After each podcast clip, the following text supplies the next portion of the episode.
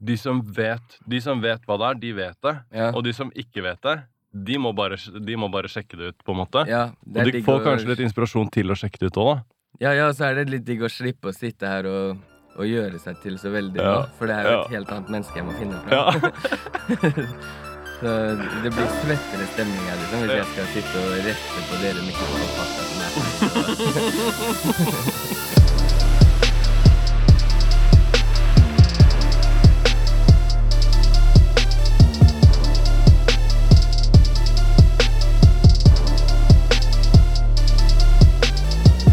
Hallepodden, nå trykte du akkurat på den knappen. Betyr det at det var jeg for seint ute, eller? Var jeg... Ok. Hallepodden. Uh, først så vil jeg si skjæra til uh, Laterhater, Rimfrost, Black Diamond. Uh, og tusen takk til Sylskarp Barbershop. Hvis det er det her ute før eller etter live-greiene? Helvete! Ok, så det var fett på liveshowet. Takk for at dere kom. Eh, eh, og eh, vi ses på neste liveshow i eh, Royk putter inn dato her. For Roy elsker når jeg får han til å gjøre sånn datating etter og gjøre sånn derre Linken er her. Og sånn derre Åh, han elsker det. Eh, dagens gjest er en av Norges beste rappere. Mange ville faktisk sagt at han sitter helt på toppen av den tronen. Eh, han er komiker, medlem av podkasten Bassene eh, og YouTube-serien Safari på safari, som jeg elsker. Uh, og Rebellkollektivet, du har kanskje sett han ta over Los Angeles sin musikkverden som en boss. Velkommen, Emil, aka Skinny E. Hva skjer? Tusen takk. Det var heavy. Den der er Skinny fornøyd med den introen der. En ting som jeg alltid har lurt på, hvordan staver man Skinny E? Uh, hvordan man staver det? Ja. Skinny Ja. E. ja. Dritbra. Det er dritbra. Det er jo helt Det er akkurat som man staver ord. Bare sier de. Sakte. Hva, hvordan er livet? Livet er fint. Ja. Digg nå. sommersol Sommer, sol, hatt noen uker, bare ikke gjort noe som helst. Vært litt i Danmark, Legoland og gjort sånne vanlige family-ting, liksom. Så G. Ja, så jeg føler meg på toppen nå. Ja, ja. Bor på en suite på Lego-hotell og Shit. På sånn Er det Er det, er det piratsuite, liksom? Ja, Var det det? ja det, det var som du var der. Det var på ekte sjørøvertema. Hele rommet var pirater. Ja, ja. Så det var fett. fett. Jeg skulle ønske det var som på alle hotell. Tenk så fett det hadde vært. Tenk hvis du kom på et helt vanlig hotell, så kunne du bare si sånn La meg få piratsuiten. Ja, og eh, PlayStation-rom. Ja, ja. eh, Bare sånn spilleautomater. Du kan bygge Lego rett på veggene uansett hvor du er. Det er det feteste konseptet. Jeg, jeg ville hatt ballrommet. Ballrommet. Men ball, er ikke ballrommet jævla skittent uh, Hvis du går helt under alle de ballene, så føler jeg at det er som en drit. Jo, men nå, nå må ikke du gå i detaljer. Nei, nei, ikke inn på bakterieflora og sånn. Bare ballrommet er fett. Ok, Hva hadde vært, eh, hva hadde vært drømmesuiten din på et hotell hvis du kunne velge hva som helst? Og som skinny Eller som hva enn? Ja, eh, for skinny Hvis jeg kunne vært levd ut skinny-karakteren 100 da, Ja. så er det jo at du kommer til et ferdig rom møblert med damer, champagne Står noe skåler med noe som noen har fått tak i på gata for deg før du kommer. Sånn. Da snakker du, Og da er damene møbler, ikke sant? Ja, Så de det, bare sitter sånn på huk med sånne glassplater oppå. det, det blir på en måte De er props i Ja. livet til skinny. Ja. Eh, men generelt, jeg er bare glad. Er det seng, eh, ryddig, ganske rent, ikke noen sånne tvilsomme flekker og sånn på hotellrommet, Ja. så er jeg egentlig stoka. Altså. ja, ja. Det, er, det er ikke hotellet som er destinasjonen, det er liksom alt rundt. Det er bare et sted å sove. Hva hadde du valgt, Roy? Det høres ut som en bra Jeg tror jeg kunne gått for den Altså, Altså, må leve opp til den suiteprinsen-kalle navnet. Ja. Så Det, må være, det måtte vært noen damer, i hvert fall. Ja, ja. Komme helt unna det livet som er til vanlig, liksom. Kjedelig med én dame hvis man kan ha mange i et alternativt univers. Ja, ja, ja, ja. Nei, det skal, jeg skal ikke blande meg inn i det greiene der i det hele tatt. Jeg skal være helt stille, jeg. Ikke tenk på det. Men jeg hadde valgt eh, Jeg hadde valgt et rom som var eh, Jeg hadde valgt et rom i huset til Karpe på SAS Skien. Ja, ja, ja. Det hadde jeg gjort. Den er faktisk Den kaster jeg meg med Du kan ikke gjøre det! Du har, fått, du har hatt muligheten til å svare. Du jeg- sa damer Ja, sånn, ja, ja. Men jeg tenkte nå hvis vi planla ferie sammen, så digga jeg din ferie mer enn min. Min ferie til Skien, liksom. Ja. Ja, ja. Nei, ok, ja, du kan hive deg på. Har du vært og sett på greiene i Spektrum? Nei, dessverre. Har du hørt om Karpe? Ja, ja. Ok, ja om jeg har. Jeg, jeg var med Karpen mens de var Karpe Diem. Jeg var på mye konserter da. Ja. Ikke aldri vært på en Karpe-konsert, Har du ikke det? men jeg har fått med meg at det blower rimelig heftig Ja, det er ikke i forhold til det som har vært. Hva syns Chirag om Skinny? Eh, Chirag tror jeg ler mye av Skinny. Det er, det er i hvert fall det vi har. Det meste som ikke er brukt i serien, er bare latter. Ja, Men nå har ikke jeg møtt ham personlig. Det er via managementet mitt, da. ja. ja. Så, Chirag møter ingen personlig. Det er bare sånn det er. Det er ikke noe å tenke på engang. Men jeg har lagt igjen noen kleine svarere som har blitt spilt av for han. Ja. Uh, og da Han ler for det meste. Det er, det er ikke de gutta som vet hvem Skinny er, jeg er mest bekymra for. Jeg er me mest bekymra for de som kanskje ikke vet hvem Skinny er. som får se henne i et Instagram-klipp eller sånn, og, Ja. og er tro mot eh, hiphop. Da. Da, Ja. da tror jeg ikke Skinny er så populær. Nei. Hvordan, hvordan tenkte du på å lage en sånn karakter? Ja, det var eh, det, det er jo hvordan musikkindustrien har blitt.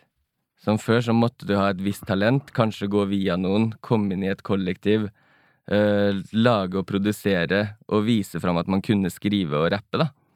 Uh, mens nå så er det jo Det er digitalalderen, så uh, har du tilgang til YouTube og et kamera og en mikrofon hjemme, så kan du lage hva du vil, og mye av det blir hits. Ja, ja. Så er det sånn Klarer vi å lage en hit med å lage en karakter der du bare blander sammen alt som er av hiphop-hoder, eh, mumlerapp, uansett hvilken vei du må gå dit? Så er det jo det med Skinny, da. Så er han trofast mot old school-greia. ja. Så, så da blir uh, hate på new school eh, Jeg vet ikke helt åssen jeg skal beskrive det. det.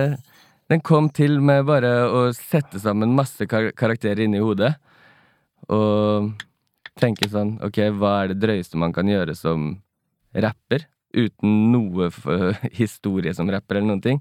Stikke til LA og prøve å slå gjennom der. Bruke det lille kontaktnettet. Vi brukte jo kontaktnettet til eh, Mathias Rødahl. ja, ja, det er det det er. Ja. Ja. Mm. 100 Shout out nede til Mathias, der. Ja, ass. til Mathias, tusen takk. Og han var jo med og lagde hele Skinny òg, i LA. ja, ja, Så vi reiste sammen i tre uker der nede. ja. Så ja, André Eriksen. Warlocks, kanskje skumleste menneske jeg har møtt noen gang. Men samtidig jævlig hyggelig. Han står på lista som gjest på podkasten med kriteriet dere må bare komme til Los Angeles. Er det kriteriet? Ja. men da hadde jeg dratt, Altså. Han, han bor smooth i Los Angeles. ja, Så han pakker sammen og finner en suite der nede. ja, ja, ja. ja han er fin, ass. Herregud. Vi får se. Det, vi har hatt noen planer om noen Los Angeles-turné. Ja, kanskje. Kanskje i framtida. Det er en fet by, men sånn, man blir mentalt sliten av å være der. Mm. Spesielt nå som vi var der som skinny. Så fort, Vi leide jo en ganske stor Lexus i tillegg, da. Og bor midt i Hollywood. Så fort du parkerer bilen det, Uansett hvor du er, så snur liksom hodene på kafeen seg. Ser er du en noen, eller er du en nobody? Mm. Jeg som kommer ut med kameraer da, Mm. må gå og håndhilse på masse folk. Oh, you made my day, sir. Og, og så er det sånn jeg, jeg er en fyr fra Fredrikstad. Du, du aner ikke hvem jeg er. Det, det er ikke sjans. Tror du ikke det er mange som blir fanga i det greiene der? At de kanskje får en sånn liten boost og en Mm. liten start på en karriere, og så bare mister de det helt, liksom. Og så Ja. bare tror sånn fy faen, jeg er bare on top of the world, liksom. Og så bare er de Og så har de bare entourage og, og liksom gjør kanskje litt penger og har bitte litt suksess, og så Ja. bare er det bare helt De bare blåser alle, alle pengene sine på 14 dager, liksom. Ja, garantert. Jeg tror det som er fett med Eller hvis man vil prøvesmake i det livet der, Ja. er at du ikke trenger å ha gjort litt småsuksess engang. Du trenger bare ta med deg noen kompiser og lage et entourage, som du sier. Ja. Ha med dere et lite kamera som filmer alle bevegelser du gjør. Så er du en somebody med Ja, ja. en gang. Ja, ja, Og så må du lease en fet bil, da. Ja, det er klart. Selvfølgelig. Uff, nei, Jeg har vært masse i Los Angeles, men jeg, jeg har slutta å snakke om det på podkasten, for at det blir for mye Mm. Det blir for mye ut av det. Det, er, det er et rart sted i verden, det der. Det er veldig rart. Det som er Sinnssykt sykt med det, er at det er så isolert. Det er liksom bare Det er ett lite sted hvor det er sånn, og så liksom i en time på utsida, så er det bare helt vanlig igjen. Ja, Men da er det bare sånn, du kommer, når du begynner å nærme deg, så bare det er et eller annet i lufta, liksom. ja. Så kommer du ned og det der Highway 1, eller hva den heter, som går langs kysten der, og så kommer du ned mot Malibu og sånn, så bare fy faen, her er, Ja, det, er her er det noe rart, altså. Det er ikke sånn at du kommer en time ut, og så er det normalt heller. Du kan komme en time ut, og så er det sånn Der har folk avla på egen familie, da. I 50 år, liksom. Så det er, det er sinnssyke kontraster. Ja, det er helt sjukt. Du er i Trump-land, og så kommer du inn i det liberale, flotte. Ja. Og så kjører du litt for langt igjen, så er du rett ut i Trump-land igjen. Ja. Eller i verste fall de der små Jeg har sett det her sånn Men det her er ting jeg har sett på internett, så det er ikke sikkert det er sant. Nå kan det hende jeg sier noe som ikke stemmer. Ja. Men eh, jeg har sett at det er sånne samfunn hvor det er en kis som har bare sagt sånn Jeg driter i loven. Ja. Hvis dere kommer hit, så skyter jeg dere. Og så bare blir han boende der, og så er det sånn 50 år seinere, så er de sånn 140 stykker som bor på den bondegården. Og, og er bare sånn, sheriffen er bare sånn Ja, vi, vi, går, vi drar ikke dit. De får bare styre som de vil, liksom. Så har de et sånt svært område så de bare, de bare lever akkurat som de vil. Som en Kristiania, bare med pumpehagler og, og hermetikkbokser, liksom. Jeg har sett noe av det samme sjøl. Altså, jeg, jeg tror det er sikkert Så lenge det er fra USA, Ja. så tror jeg ikke man skal avfeie det som kødd. Da, da kan det være plausibelt. Fytti helvete. Jeg forandrer uh, suite drømmesuiten min til en sånn, en sånn suite. En sånn cowboysuite hvor jeg kan leve mitt eget liv og gjøre som jeg vil. Og ha to pumpehagler eh, og sitte på, sitte på noen sånne der tomme brusbokser. Og, eller bruskasser. Og være sånn der konge i mitt eget sånn cowboyland. Jeg, jeg drar fortsatt på ferie til Skien, jeg, da. Ja, jeg skjønner det. Jeg skjønner det. Hva er den beste ferien du har vært på? Oh, Hawaii. Dro til Hawaii og var øh, en uke på Honolulu. Det var fett i seg sjøl. Og så fløy vi ut til Kauai. Sånn mini Ingen av husa har lov til å være høyere enn palmetoppene. Uh, Jurassic Park er spilt inn der. der. ja, ja, ja. og- ja, det er helt sjukt. Så det er, det er den feteste ferien, sånn uten tvil. Jeg det skjønner hørtes hvorfor det er så hype rundt Hawaii, da. Ja, ja. Aldri vært der, altså. Men jeg har, jeg har hatt lyst til å dra mange ganger. Men eh, den er lang Det er jævlig langt. Ja. Den der, eh, når man skal liksom helt på den andre sida av kloden. Mm. Så det er sånn, For det første så er det sånn at jeg må øh, ha tid til det. Og så er det den der, du må over den jetlagen. Og så, så Jeg orker ikke. Jeg har blitt for gammel. Det er, eh, jeg er jo oppvokst uh, første delen av livet i USA. Ja. Så kom jeg til Norge som tolvåring. Så alt de drømmetinga, det skjedde jo før jeg var tolv år, da. Helvete, du har brukt opp! Det, ja, det er lenge siden jeg var på Hawaii nå, Ja, men det er fortsatt den feteste ferien jeg kan Ja, huske. ja. Ja. Det vokst, hvor er du vokst opp hen? I Atlanta, i Georgia, sørstatene. Damn, det er real. Altså, når det kommer til altså, Ingen kan teste skinny i hvis han er fra Atlanta, liksom. Nei, det Er er, du eh, jeg, begge foreldrene mine er norske, da. Men jeg Ja, men ikke, det må du ikke si. snak, snakka jo engelsk. Uh, Sørstatsengelsk, jal og Ja, det er fett. men, men jeg husker sånn uh, kjøpesenteret vi handla på. Plutselig var hele parkeringa stengt. Da hadde det vært en skyting med noe opptak til noe gjenggreier. Mm. Uh, Ligget under bilen, skutt to tilfeldige mennesker på parkeringa der. Hel, da, og i USA, du vet jo sånn, sånn som på film er det jo på ekte, at ja. gatene bare fyller seg med politi. Mm. Uh, ambulanse, brannbiler. Alt rykker ut hvis det har skjedd noe. Ja, ja. Så jeg husker de tinga der. Vi kjørte oss bort Det er lenge før GPS der, ikke sant? Eh, Midten av 90-tallet. Eh, kjørte oss bort. Plutselig trengte vi politieskorte gjennom et ganske shabby nabolag. Jeg, broren min og mamma. Eh, som politiet rett og slett sa at vi eh, guider dere gjennom. Men hvis noe skulle skje, bare trykk på gassen. Ja, Og jeg har fått gjenfortalt de historiene liksom, av foreldrene mine i ettertid òg. ja. ja. Og vi bodde i en gun zone. Sånn, det er pliktig å eie våpen. Familien min sikkert de eneste som ikke eide våpen. ja, ja. Så det er, det er et rart land. Det er rart at du kan bli påsatt av loven. Sånn, det området du bor i nå, da må du ha registrert et håndvåpen, liksom. ja, det er helt sjukt, altså. Men vi var heldige, da. Bodde i sånn gated community og Ja. ja, litt Jeg slapp liksom unna mye av det Atlanta er kjent for utad, det. ja, Så du begynte ikke å drikke lean som tolvåring? nei. nei. sånn, liksom? Da hadde skinny vært på en bølgelengde nå, altså. Ja, ja, da, hadde jeg vært rapper. ja, ja. ja, det er sykt, ass. Det var, det var Av alle de byene jeg tippa du kom til å si, så var Atlanta var ganske langt ned på den lista. Ja, så bodde jeg på slutten fram til Vi flytta hjem etter 11. september 2001, da. Ja. Da bodde vi i Utah, i Salt Lake. Og det er, det er kontraster, det òg. Sånn. Fra eh, Ikke segresjon, hva heter det? Blanda USA er jo Eller Atlanta er jo en veldig stor blanding. Eh, omtrent like mange hvite som mørke. Eh, sinnssykt skjevfordeling, som Ja. det er mange steder i USA. Og så kommer det opp til mormonerland. Eh, mange koner. Sånn. Eh, der var det jo høyere andel hvite. Ikke sant? Så det er et sinnssykt speisa land. At de ikke bare kan finne ut sånn Hvis vi gjør det bra for alle, så kan vi ha det fett alle sammen. Men det er jo sånn at uh, uansett hva du er interessert i, så, du, så kan du få det, men du skal ha, helst ha så mye som mulig. Ja, Så det er jo sånn hvis du liker å samle på lightere, da har du 26 millioner lightere i garasjen, liksom. Det er jo, ikke, det er jo ingenting som er bare vanlig. Hvis du skal ha flere koner, da er det ikke sånn Perfekt, da tar jeg to. Ja. Det er liksom, jeg, jeg har alltid drømt om å ha 18 koner. Selvfølgelig skal jeg ha det. Jeg har bare sett den Netflix-dokumentaren som har kommet ut av det, den sekta i Utah nå. Som jeg holdt på å si hvilken av de, men eh, Nei, det er en helt sinnssyk en. Faren til han ene lagde en sekt der han hadde sånn eh, 70 barn og sinnssykt mange koner, da. Og de gjorde jentene gifteklare fra de var sånn 15-16 år. Bare om å gjøre å få barn på det så fort som mulig. Tok hans sønn over. Klin mye, mye sinnssyk. Eh, og så sitter jeg og ser på dokumentaren, og så er det sånn Å, det her skjedde i Utah mens jeg bodde der. Å, dæven! Ja, det, så alt det jeg ser nå, har jeg på en måte bare rett, vært i nærheten av, uten Ja, ja. å tenke over sånn Verden er så jævlig sjuk, ja. Ja. Det er, og der, tilbake til det du sa i stad, bare starte liksom sin egen Fordi poly, hva heter det, polygami, eller sånn når du er gift med flere, det er jo ikke lov i USA. Like lite oh, som det er lov her. Men de bare lager sine egne samfunn, og så på en måte bare legger ikke politiet seg borti det. ja. Sånn, så lenge de ikke blander inn noen andre, så får de holde på som de vil. Det er jo Det er jo egentlig en helt syk tanke, da. Ja, både på godt og vondt. Det hadde jo vært digg hvis uh, loven liksom ikke hadde blanda seg så mye som den gjør noen ganger. Oh, ja, ja, ja. Men- Jeg er jo egentlig Egentlig så er jeg sånn nesten der hvor at uh, jeg mener at politiet er unødvendig. Ja.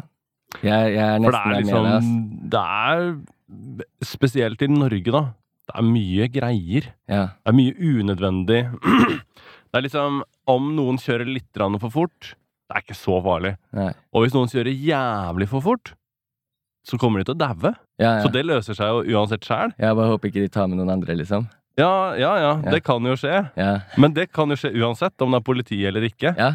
Ehm, hvor forebyggende politiet er, det er litt sånn Det er hele den derre hvor, hvor mye forebygger det rusmisbruk at de går og lyser ungdommer opp i ræva med lommelykt ute på gata, Ja, ja, ja. liksom?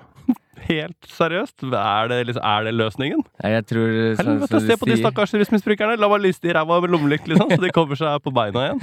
Jeg vet ikke om det er løsninga. Nei, kanskje brukt politiet mer der det er behov, og der det er nødvendig. Ja. Og så tenk litt rasjonelt på ting, da. Kanskje Ja, ja, ja. her er vi ikke helt nødvendig, Ja. så da ligger vi unna det. For eksempel. Og hvis noen er helt cowboy, så jeg føler det er sånn Hvis folk er helt idiot, så løser det seg jo Men det er fort at det blir den ville vesten, da. Ja, men tenk hvis vi kunne gjort det sånn, da, og bare Fordi nå er det jo geografisk, vi blir født i Norge. Ja. Vi vokser opp med norske regler og alt. Tenk om du bare ble født et sted, og så, når du ble gammel nok, så satt du og så på et kart Ja. der folk har lagd sine egne samfunn ut ifra Sånn, eh, er du helvegansk og sånn? Og shit, der perfekt for meg å bo. Der bor det fem millioner andre som tenker helt likt som meg. Ja, ja. Eh, er du litt smågangster og sånn? Har lyst til å poppe noen folk på fritida. og Det er et land. Det er, Det er det er, det er lov å skyte hverandre. Man fikser ting internt. Mm. Så kunne du valgt hele jorda ut ifra interesse, da. Mm. Akkurat som man velger å begynne på fotball eller håndball, eller Mm. bare der skal du bo.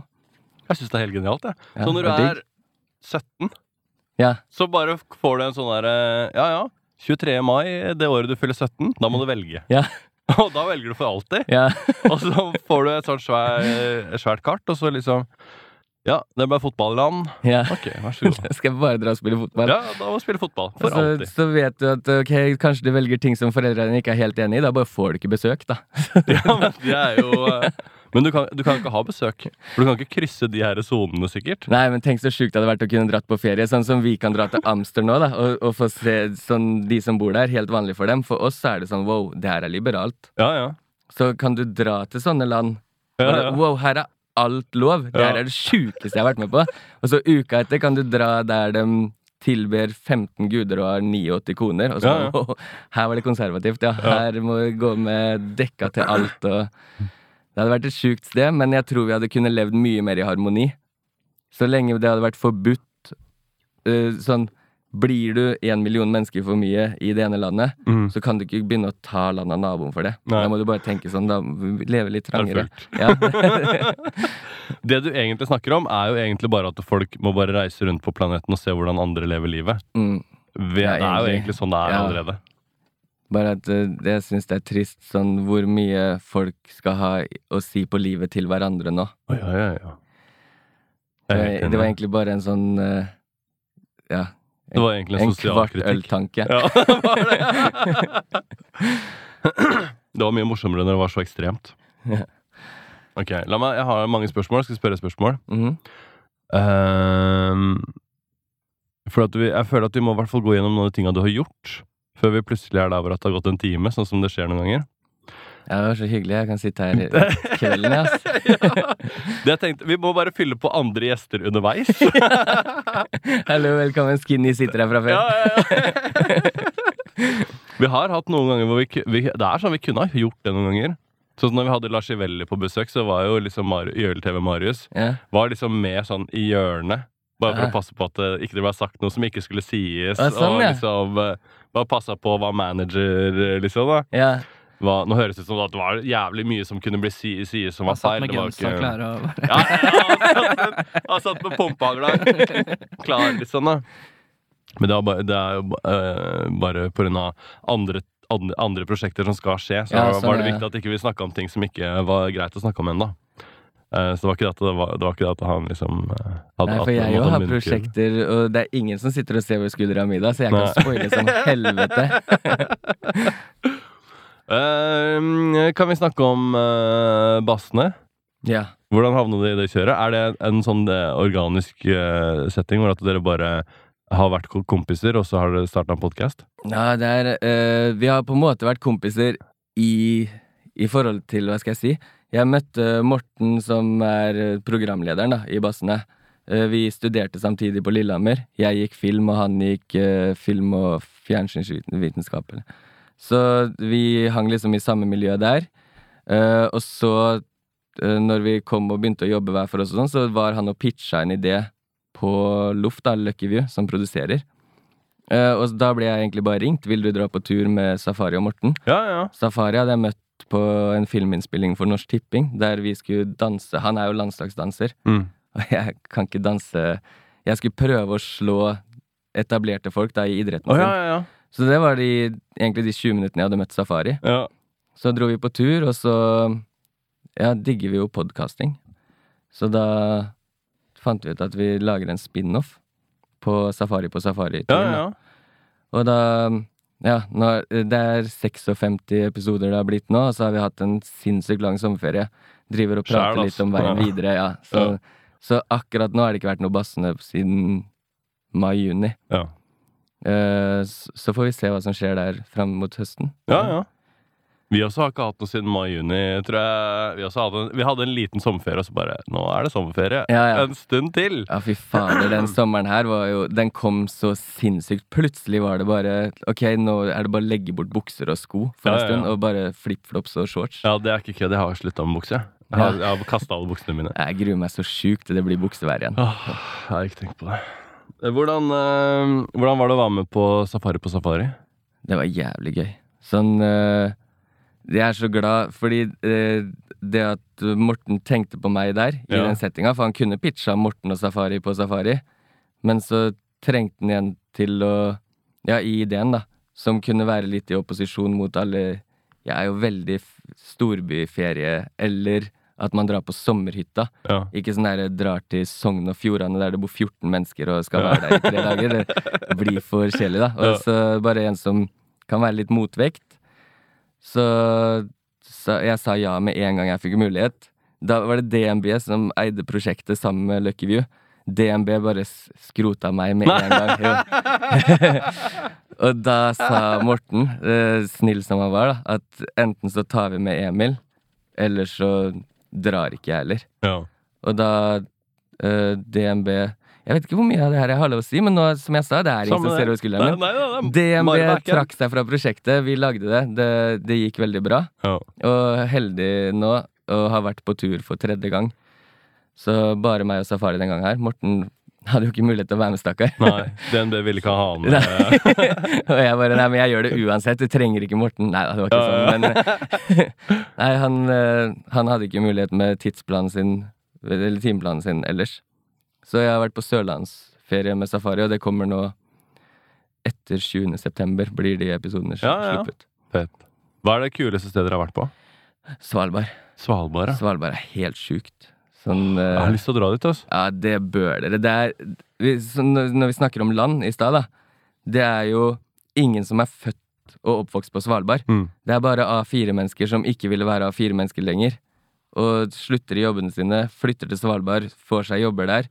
Så alle er på en måte likesinna. Alle Mm. har vært lei av eh, kjøret som er her på fastlandet. da. Og nei, det er Jeg har prøvd å få med familien min til å flytte dit, og bare nå kutter jeg ut alt. Begynner å jobbe i en hotellresepsjon eller kelner eller bartender, hva som helst, bare for å kunne bo på Svalbard i tre-fire år. Ja, ja. Men det er vanskelig å få med Det er ikke, de andre er ikke så ivrige Nei, på det, nei, liksom? ikke helt tatt. De har ikke vært der, da. Nei. Så Åh, nei, jeg har ikke vært der. Jeg, jeg, var, jeg hadde billetter en gang, og så ble jeg sjuk, så kunne jeg ikke dra. Men jeg hadde en på, jeg har hatt en på podkasten tidligere som var fangstmann på Svalbard. Mm. Så han bodde ikke engang på i liksom Longyearbyen. Han bodde bare på en hytte sånn, på, den, på spissen på andre sida oh, ja. der. Og da er det sånn eh, Fra liksom vinteren kom, og til vinteren slapp opp, så var det sånn, da kunne, da kunne ingen komme, liksom. Du fikk ikke besøk, da, så han bare var der aleine i et år, tror jeg. Ja, Sammen med sånn 14 bikkjer. Ja, Og det var det, liksom. Og bare hele sommeren så bare hogde den ved, liksom. Og hele vinteren så bare gikk den rundt og, og sjekka sånne revefeller og Og spurte liksom Ja, faen, hvor mye mange rev fant? Han var sånn Ti? det var liksom På et år? Ja, ja, på et år. Hadde dere klart det? Så nei. På Nei, ingen måte. Nei, ikke sånn å isolere dere fra folk, eller er det det å bo utsatt til hvis noe skulle skje, sånn få litt smerter i brystet, kunne tenkt deg å ringe legevakta, liksom?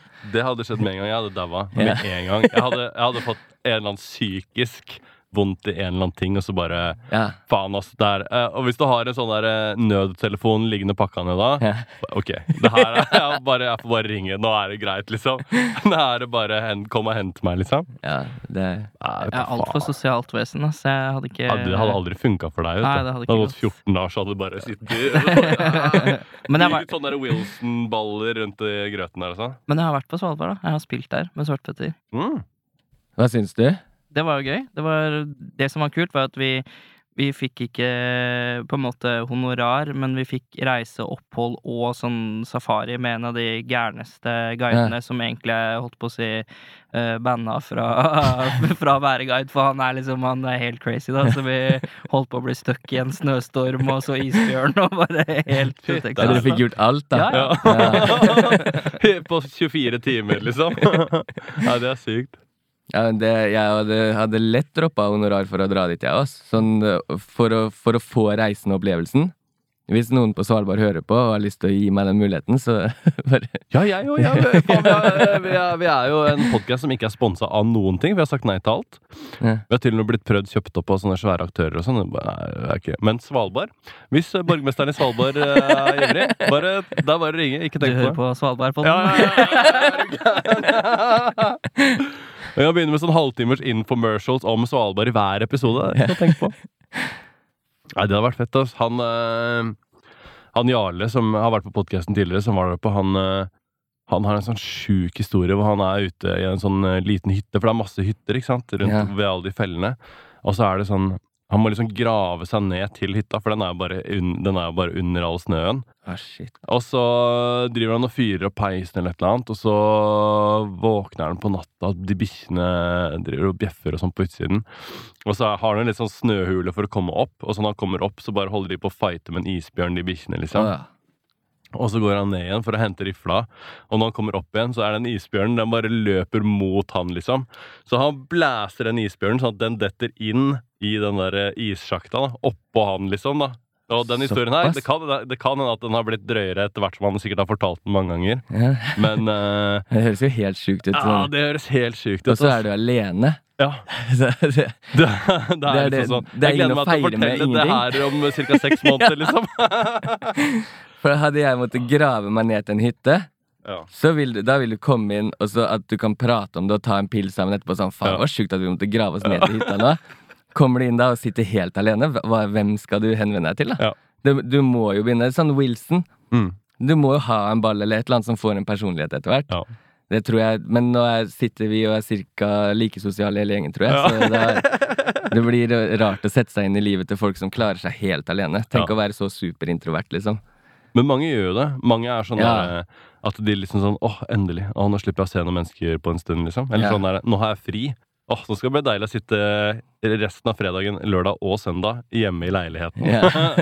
og spille eh, dataspill. Jeg har jo en sånn kompis som jeg får tak i én gang i halvåret. Ja. Kan prøve å ringe han ukentlig, liksom, men én gang i halvåret tar han. Ja, jeg må finne på noe. Ja. Går han under jorda igjen. Oh. Så de fins, altså. Men det er jo sikkert et behagelig liv, da.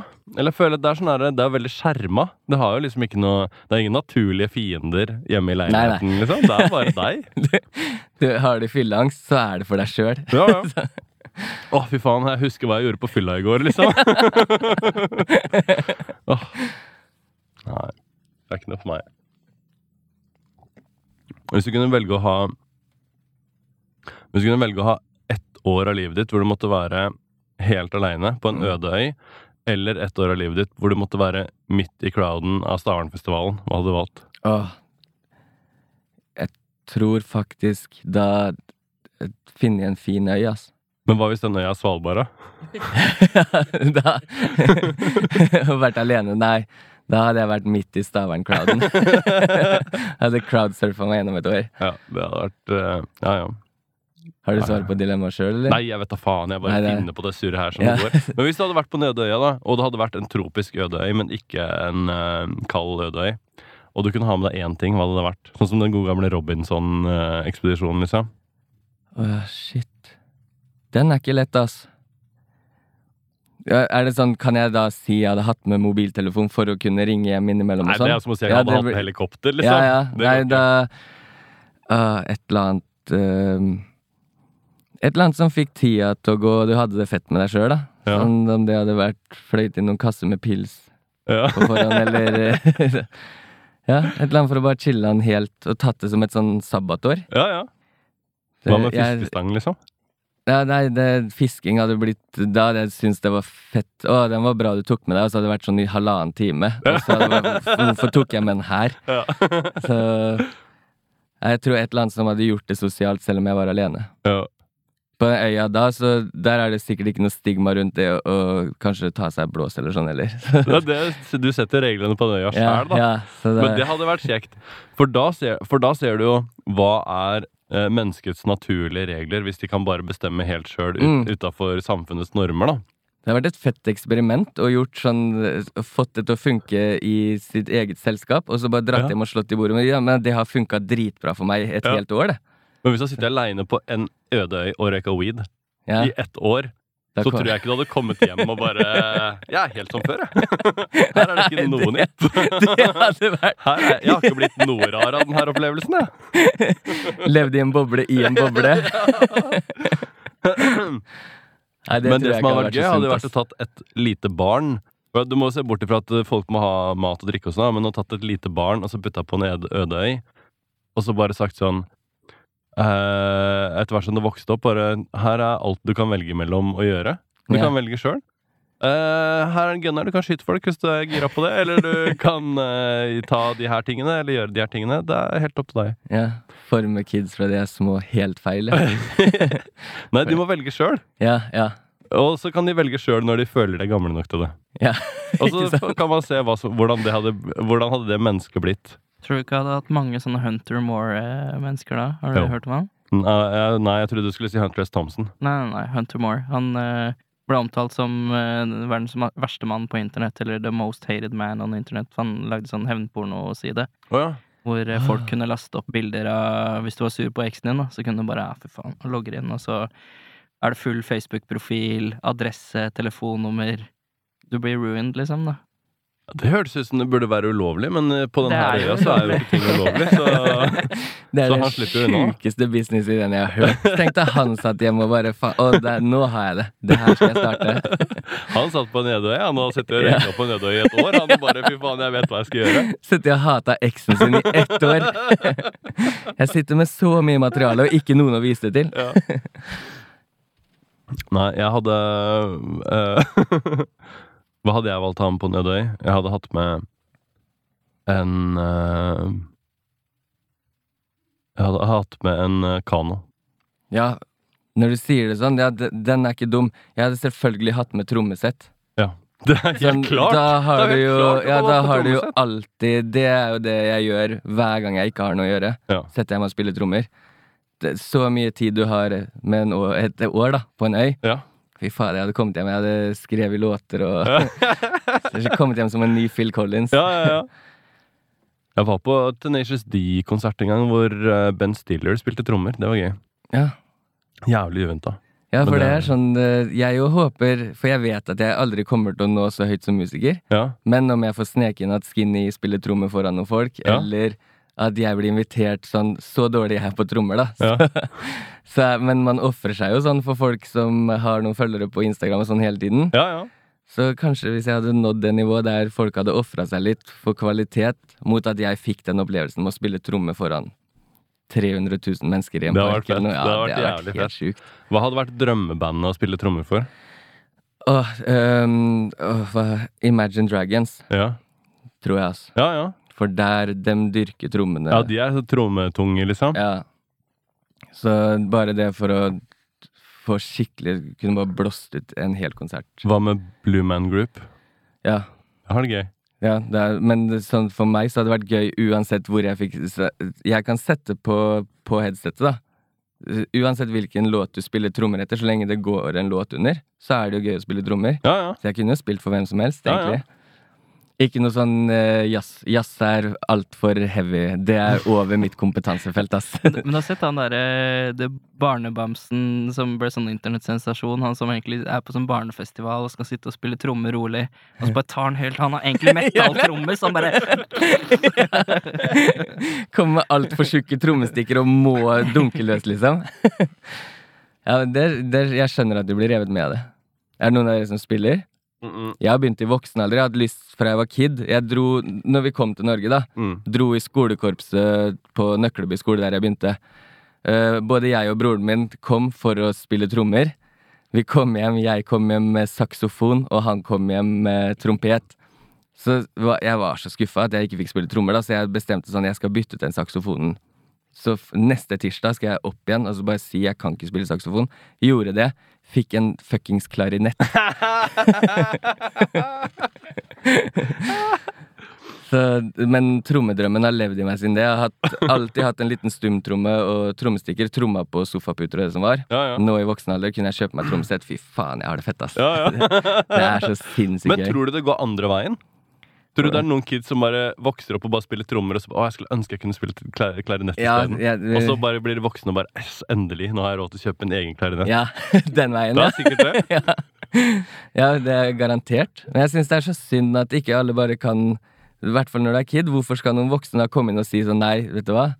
Uh, det her er det instrumentet du skal få prøve deg på, Ja. selv om det er null interesse. Jeg gikk jo 17. mai to år på rad og bare holdt klarinetten, for jeg hadde jo ikke lært noen ting i mellomtida, ikke sant? Dritflaut å gå forbi klassekompiser og sånn. Bare smile bare- og holde klarinetten mens ja. alle andre spiller gammel Jegermarsj. Og så Noen ganger så prøvde jeg å fake, men jeg har sett på kids nå i voksen alder som faker gjennom 17. mai-toget. Det er gjennomskuelig, ass. Ja. Når fingra går helt motsatt av alle andre. Jeg, jeg røyk på en tolv år korpskarriere på samme måte. Jeg hadde også lyst til å spille trommer, Ja. men eh, det var no go fra mamma og morfar, så jeg begynte å spille saks. Og dro det så langt at jeg spilte i Norges største korps. Og har, har, hadde korpskarriere på tolv år, liksom. Og, Er du god på saks da? nei, ja, eller jeg var det sikkert da, men eh, i starten òg så var det mye sånn som du sa, sånn faka at jeg For jeg kunne det jo ikke så Nei. godt i starten, liksom. Så det var sånn derre Men det, saks er jo mye moves. Ja, Så ja. lenge du kjører den Bill Clinton og Ja. så får den der tuten opp litt noen ganger og sånn. Ja, for jeg har faktisk angra oppriktig på det. At ikke jeg bare beholdt saksofonen. For den, da har du med deg mye melodi inn i ting du har lyst til å gjøre senere. Sånn du kan vise fram hvis du har lyst til å lage en melodi av noe. Ja. Sånn, jeg har lyst til at det skal høres sånn her ut. Så kan du slå i bordet med det. Sånn, eh, jeg sitter jo Jeg har involvert meg litt i musikken som Skinny lager. Ja. Og eh, jeg syns jo noen beats Jeg syns det er jævlig fett med beats som har tunge bassinstrumenter. da Ja. Tuba. Det er det Atlanta-delen av deg, vet du. Ja, ikke sant? altså, den derre Gwen Stefani med Bananas. Der, den Ja, ja. der er fet. Bare trommer og tuba.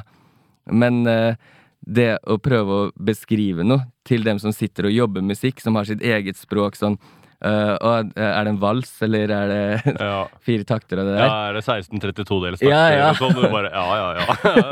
Det er som å finne amerikansk der- verktøy, liksom. Ja, og jeg har lyst på litt tuba som kan gå sånn dun, dun, dun. Så skal dem sitte og prøve å forstå. Så du blir jo ekskludert med en gang du ikke har Men hadde jeg hatt en saks med inn da, og bare Se for deg det her i tuba, da. Men var det ikke sånn Michael Jackson gjorde? Jeg, jeg føler at jeg har sett liksom sånn klipp av Michael Jackson hvor han liksom bare viser hvordan han lagde låtene sine. At han bare Han har sånn derre Nesten som han derre Bernhoft, er det det han heter? Ja, At han liksom bare si, sånn sequence Ja, men- sampla ja, og bare lagde alle sånn lydene. beatbox i den forstand han wordboxa alle Ja, ja, låtene sine men til Quincy Jones. Han satt og bare og, og sang Ja. trommene og liksom helt på den greia. Ja, ja. Sjukt. Det er det. Så det betyr at du var inne på noe bra der. Det var nesten, liksom. Men jeg har bare ingen verktøy til å få det til. Nei, Jeg- så 50 år for seint, liksom. Ja, og så jeg begynte på piano på St. Gravhus i Fredrikstad. Det var også det er et trommerom vegg i vegg. Det var der jeg ville begynne. Mamma og pappa var sånn der, men nå kan du begynne på piano. Da hadde jeg gått på gitar et par år. Ikke Jeg har jo alt det her hjemme, men det frister ikke å plukke det fram nå heller.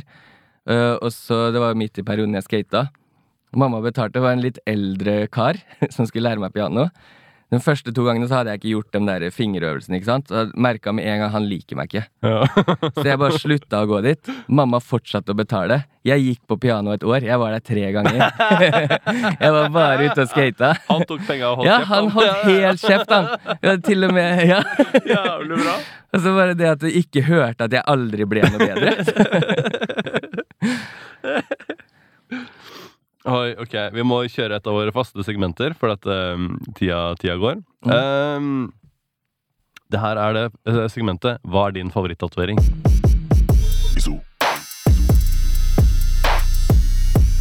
Hva er din favorittatovering? Ah, det er på egen kropp. Du kan velge. Ja. Uh, jeg har jo mange Her ble jeg blakk. Ser du? Så Ja, den jeg ser armen det. her er liksom er minst tom. Ja, det er så tomt, og det er tragisk å se på den. Men jeg har den her, som det er en betydning bak, at uh, loven skal være lik for alle, og det er den ikke. Så jeg er uskyldig dømt.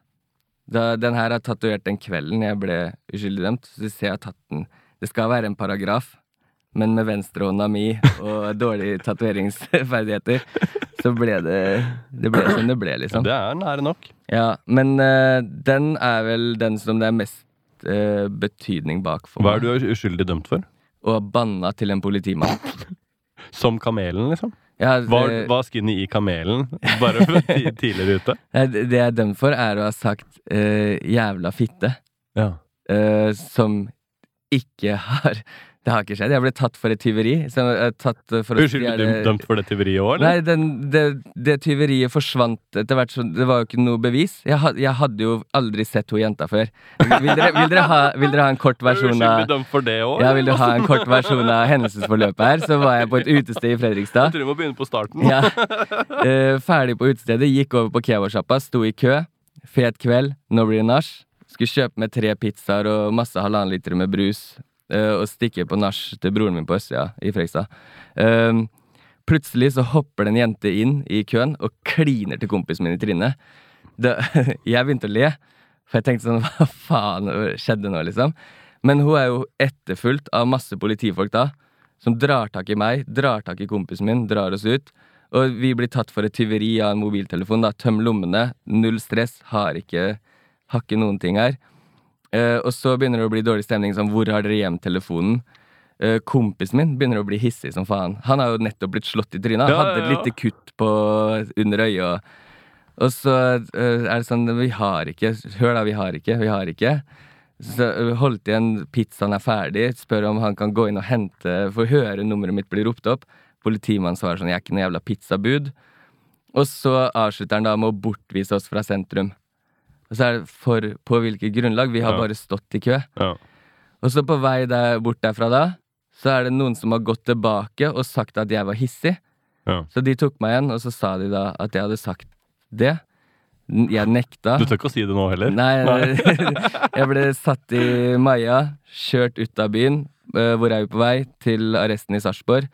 Kommer et stykke, stopper på parkeringsplassen liksom på langs Rollseveien til Sarpsborg, da. Slipper meg ut, vil ha en tilståelse på mobiltelefonen. Starter og stopper.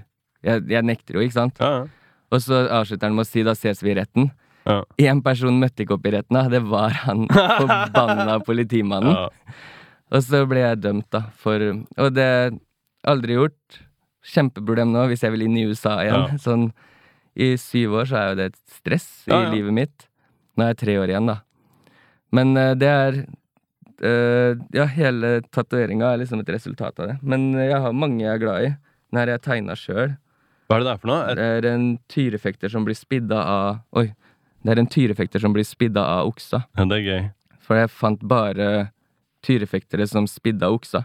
Men jeg har liksom tatt fra Alt er liksom elementer i livet, da. Så det er en betydning bak Det er sikkert cheesy, men for meg så betyr hver eneste en noe. Ja, ja, ja. Så jeg er jævlig glad i å sitte og se på det ankeret. Sånn, det, jeg bare digger fargekomboen. ja, ja, ja. Det er veldig sånn klassisk traditional greier, da. Ja, det er eh, skinny, driter i så lenge det er old school. Ja. Så syns han alle tatoveringene er fete. men uh, Hva er betydninga bak den- flua? Uh, ADHD-diagnose. D- Så Ja. plagsom Det er, ja, ja, ja, det er eh, flue med, med ADHD. Ja. det er Sondre, skjæra til Sondre, som tatoverer meg. Ja, ja, ja. Eh, så Nei, Sondre Nå uh, mikser jeg. Snorre Hansen. Han, er bare eh, kli, det han- klipper Roy til seinere. Ja. Tenk på det. Skjæra til Snorre Hansen, som tatoverer meg i Bergen. Så jeg drar til Bergen for tatoveringene mine. Ja, det er gøy. Men eh, nei, det er um, ADHD er jo plagsomt for alle rundt deg, Ja. men ikke deg sjøl ofte. så det er jo sånn jeg Nå må du roe ned. Sånn, Ja, oppvokst med den kommentaren hele tiden. ja, ja. ja. Og da, Jeg vet jo åssen det er hjemme, med flue som bare setter seg på deg, få den bort. Ja. setter seg et kommer nytt den sted på tilbake. deg, ja. Så, Og så legger du deg til å sove, og da kommer den inn i øra. ja. Men uh, Nei, det er vanskelig å velge ut én, altså. Men jeg tror da tar vi paragrafen. Ja, vi gjør det. Purken er skurken. ja. Eh, la oss gå på det neste faste segmentet vi har, som er eh, Fortell om en gang som du holdt på å dø. Bro, jeg holdt på å daue. Er det isopoden? Jeg hører på den. Fortell om en gang som du holdt på å dø. Der har jeg Jeg holdt på å dø eh, for et par somre siden. Det er et stupebrett i Fredrikstad som jeg aldri har sjekka dybden på før. Har det et navn? Uh, det ligger på Faratangen. Uh, det, det er fjerna nå av Å, ja. det som skjedde med meg. Serr? Vi kom inn fra båttur, så så vi liksom stupebrettet. Førstemann til å løpe og militærstupe fra det, da. Jeg løper, hopper. Det er i sånn shaky film av kompisen min har gjort som følger etter meg. Jeg løper og hopper, jeg får ikke til militærstupe i hele tatt. Sånn 100% mageplask med hodet bare dippa litt ned. Bare kløyva hodet, slo ut eh, tenna nede foran. Og så uh, reiste jeg meg opp, så hadde jeg vann til litt over anklene. Så hadde jeg landa riktig der, jeg vet ikke om jeg hadde vært lam eller oh, død eller hva det hadde vært, i hvert Ja. men jeg guineapigga, og det gikk så Mageplasket redda meg. Å, fytte helvete. Den, den, har liksom, den har jeg tenkt på ofte. Sånn kommet opp sånn oh, Ja, Der kunne mye skjedd. Det var liksom akkurat når kona mi var på vei til å føde, og ja, ja. det var så mye som kunne gå dritt. Men eh, Å, i, når vi spilte inn Skinny Ja. i Los Angeles, ja. der har jeg to Det er ikke sånn sinnssykt nær døden, men den ene var når vi var i Hollywood. Du vet jo, etter klokka tolv på kvelden så er jo Hollywood Det er gangster. Ja, ja, ja. Så der står det gjenger på nabolaget og selger mixtapene sine og sånn. ja, det er ikke kødd. De skal du kjøpe uansett om du vil eller ikke. ja. Og kommer en sånn dude, sjekk ut mixtapen min. Vi hadde blitt uh, sinnssykt gode venner med en sånn security, security guard som var Han hadde jo våpen synlig. Og så en annen fyr som kjente han security guarden, som ikke det syns på at hadde noe våpen, da. Uh, det kommer en fyr bort, skal selge oss mixtapen sin. de driver og sier til han sånn uh, No hustle, these are Norwegians. Og Ja, ja. Uh, vi står og venter på en sånn sinnssyk sånn én meter bred Eller én meter diameters pizza som vi skulle dele med de nye homiesene våre. da. Og så sier jo eh, Mikkel, som er produsenten vår, eh, sånn sinnssykt jovialt på norsk, bare sånn Å, det er akkurat som på film! Han skal Ja. selge mixtape! ja. Og det øh, ringte jo ikke bra i øra til han duden i hele tatt. Ja, Så han snur og går. Eh, De folka bare sånn eh, Vær forsiktig med å snakke norsk her. Tok oss med Fikk pizzaen, gikk rundt i en sånn derre eh, Egentlig en parkeringsplass med en sånn brennende tønne på Som det ikke er flammer i, da. Bare en tønne det har vært bål i. Setter pizzaen vår oppå der. Plutselig kommer det en sånn gutt på 14-15 år, kledd helt i rødt, og bare går forbi. Tar sånn halvannet minutt, så går han tilbake, og så begynner de folka sånn Dere må bestille Uber. ja. Uh, og så sier de sånn Vi vet ikke om det er til dere, men han der ser ut som en sånn scout. eh, en liten kid som bare går og leter etter dere. Uh, og da begynte jo han duden som var, De var så laid back. Men bare sånn Don't worry, guys, I'm strapping. Ja. og var helt der. Vi skjønte jo ikke alvoret til det plutselig kommer to stykk til med røde joggesko, uh, buksa langt nede, og begynner å rope oppover i gata. Da er Uberen vår tre minutter unna. ja. De gutta begynner å stresse. Han security, security guarden begynner liksom sånn der på radioen at det er Det er bare noe som skjer. Det er en energi der som du ikke vil være med på. Og så er Vi er jo fra lille Norge. Vi er ikke vant til sånn der at folk faktisk tar seg nær av litt latter eller sånn. ja. Eh, Vi kom oss ut av det, men nå har jeg tenkt mye på sånn Jeg lurer på hva som hadde skjedd hvis vi hadde blitt. Hadde vi måttet beine Jo, det sa han ene òg. If they come before your Uber gets here, ja. You just fucking run. Ja. sånn det legg på fot. Og så en siste. ja, ja. Kan jeg ta en siste? ja, ja vi har snakket, men jeg vil snakke om alle de her historiene. Men kjør på. Vi kjørte til Det her er som å ha Kenneth Engebretsen tilbake igjen. Her. ja, men det, Der òg, så nå får Skinny selvtillit, ikke sant? Ja, ja, ja, ja. Men uh, vi dro til Vegas det, for å filme at uh, Skinny skulle ta seg ferie og hadde leid seg suite. Eh, så på Det er jo kors og stearinslys og sånn, så jævlig mange punkter langs veien. Det er jo mye bilulykker på Ja. den strekninga, fordi du ligger jo og cruiser i 140, og plutselig så er det full stopp på E6. Da Mm. alt har stoppa opp foran deg. Uh, vi kjører hjem fra Vegas. Det er midt på dagen. Kjører forbi en sånn stor sånn eh, reklame, sånn billboard, som det står 'Got DUI'. Og så hvilken advokat du skal ringe hvis du har fyllekjørt eller kjørt i narkopåvirka tilstand, eller hva som helst. da. Og vi sitter jo i bilen, syv stykk, da, med Mathias bakerst og framover, liksom. Uh, og alle sitter og ser på det skiltet, og så hører du sidetrynet en som heter Magnus, som sitter foran ved siden av sjåføren. Bare sånn stopp. Stopp, og alle vi bare sånn Fy faen, det er så sjukt at du kan bestille advokat for å få deg ut av problemer. Sånn, det hadde ikke skjedd hjemme, sånn, og så plutselig blir det bare sånn Stopp! Så du ser framover. Sjåføren bare hiver seg på bremsen. Det piper i eh, hjula, liksom. Og så må vi svinge ut på shoulderen, da. Den derre veiskulderen, veiskulderen. Ja. For å unngå at trafikken står helt bom. Og det tror jeg kanskje det er Da hadde vi vipa ut hele Skinny. Ja, da hadde, da hadde ikke, ja, hele teamet. Da hadde det aldri kommet noe på YouTube. Uff. Da hadde ingen visst hvem vi var. Men den var så sinnssykt Ja, close. det er sykt, ass. Og det er derfor ikke vi har sånne distraksjoner langs veiene i Norge, tror jeg. Ja. Sånn, nettopp av den grunn. Her kan du se et Mækkern-skilt, og så bare vort, Ja. borte igjen. Sånn, ah, vi skulle stoppa på Mækkern. Ja. Men det tar ikke livet av deg hvis alle sitter sånn A, M, C, D, O, N, A, eller Ja, men også er det liksom sånn derre De billboardsa er sånn det er en A4-side med tekst, liksom. Ja. Og begynner begynne å lese. Å ja, sånn er det. Og, det tar det 25 sekunder å lese det, ikke sant? Med noen stjerne under, Ja. eh, no refundable og Og så blir det bare mindre og mindre tekst. Du må myse litt og Ja, men der holdt uh, reklame 100% på å knerte oss hele gjengen. Ja. Og da hadde vi sikkert knerta de bilene foran oss og sånn. En Ja, ja, gjeng med nordmenn i 140. Åh, Jeg har holdt på å daue på den veien til Vegas sjøl, jeg. Du har det, ja? Ja. Eh, Men andre veien, fra Los Angeles til Vegas, Mm. altså hadde jeg Jeg kjørte aleine. Og så hadde jeg en sånn sportsbil. Og så hadde jeg bare satt den på eh, cruisekontroll. Ja, Ja, Så den lå liksom på 80 eller 85 miles eller noe sånt. Det er litt for mye, da. Mm. Og så var det Satt sikkert i to timer. Det var helt rett fram.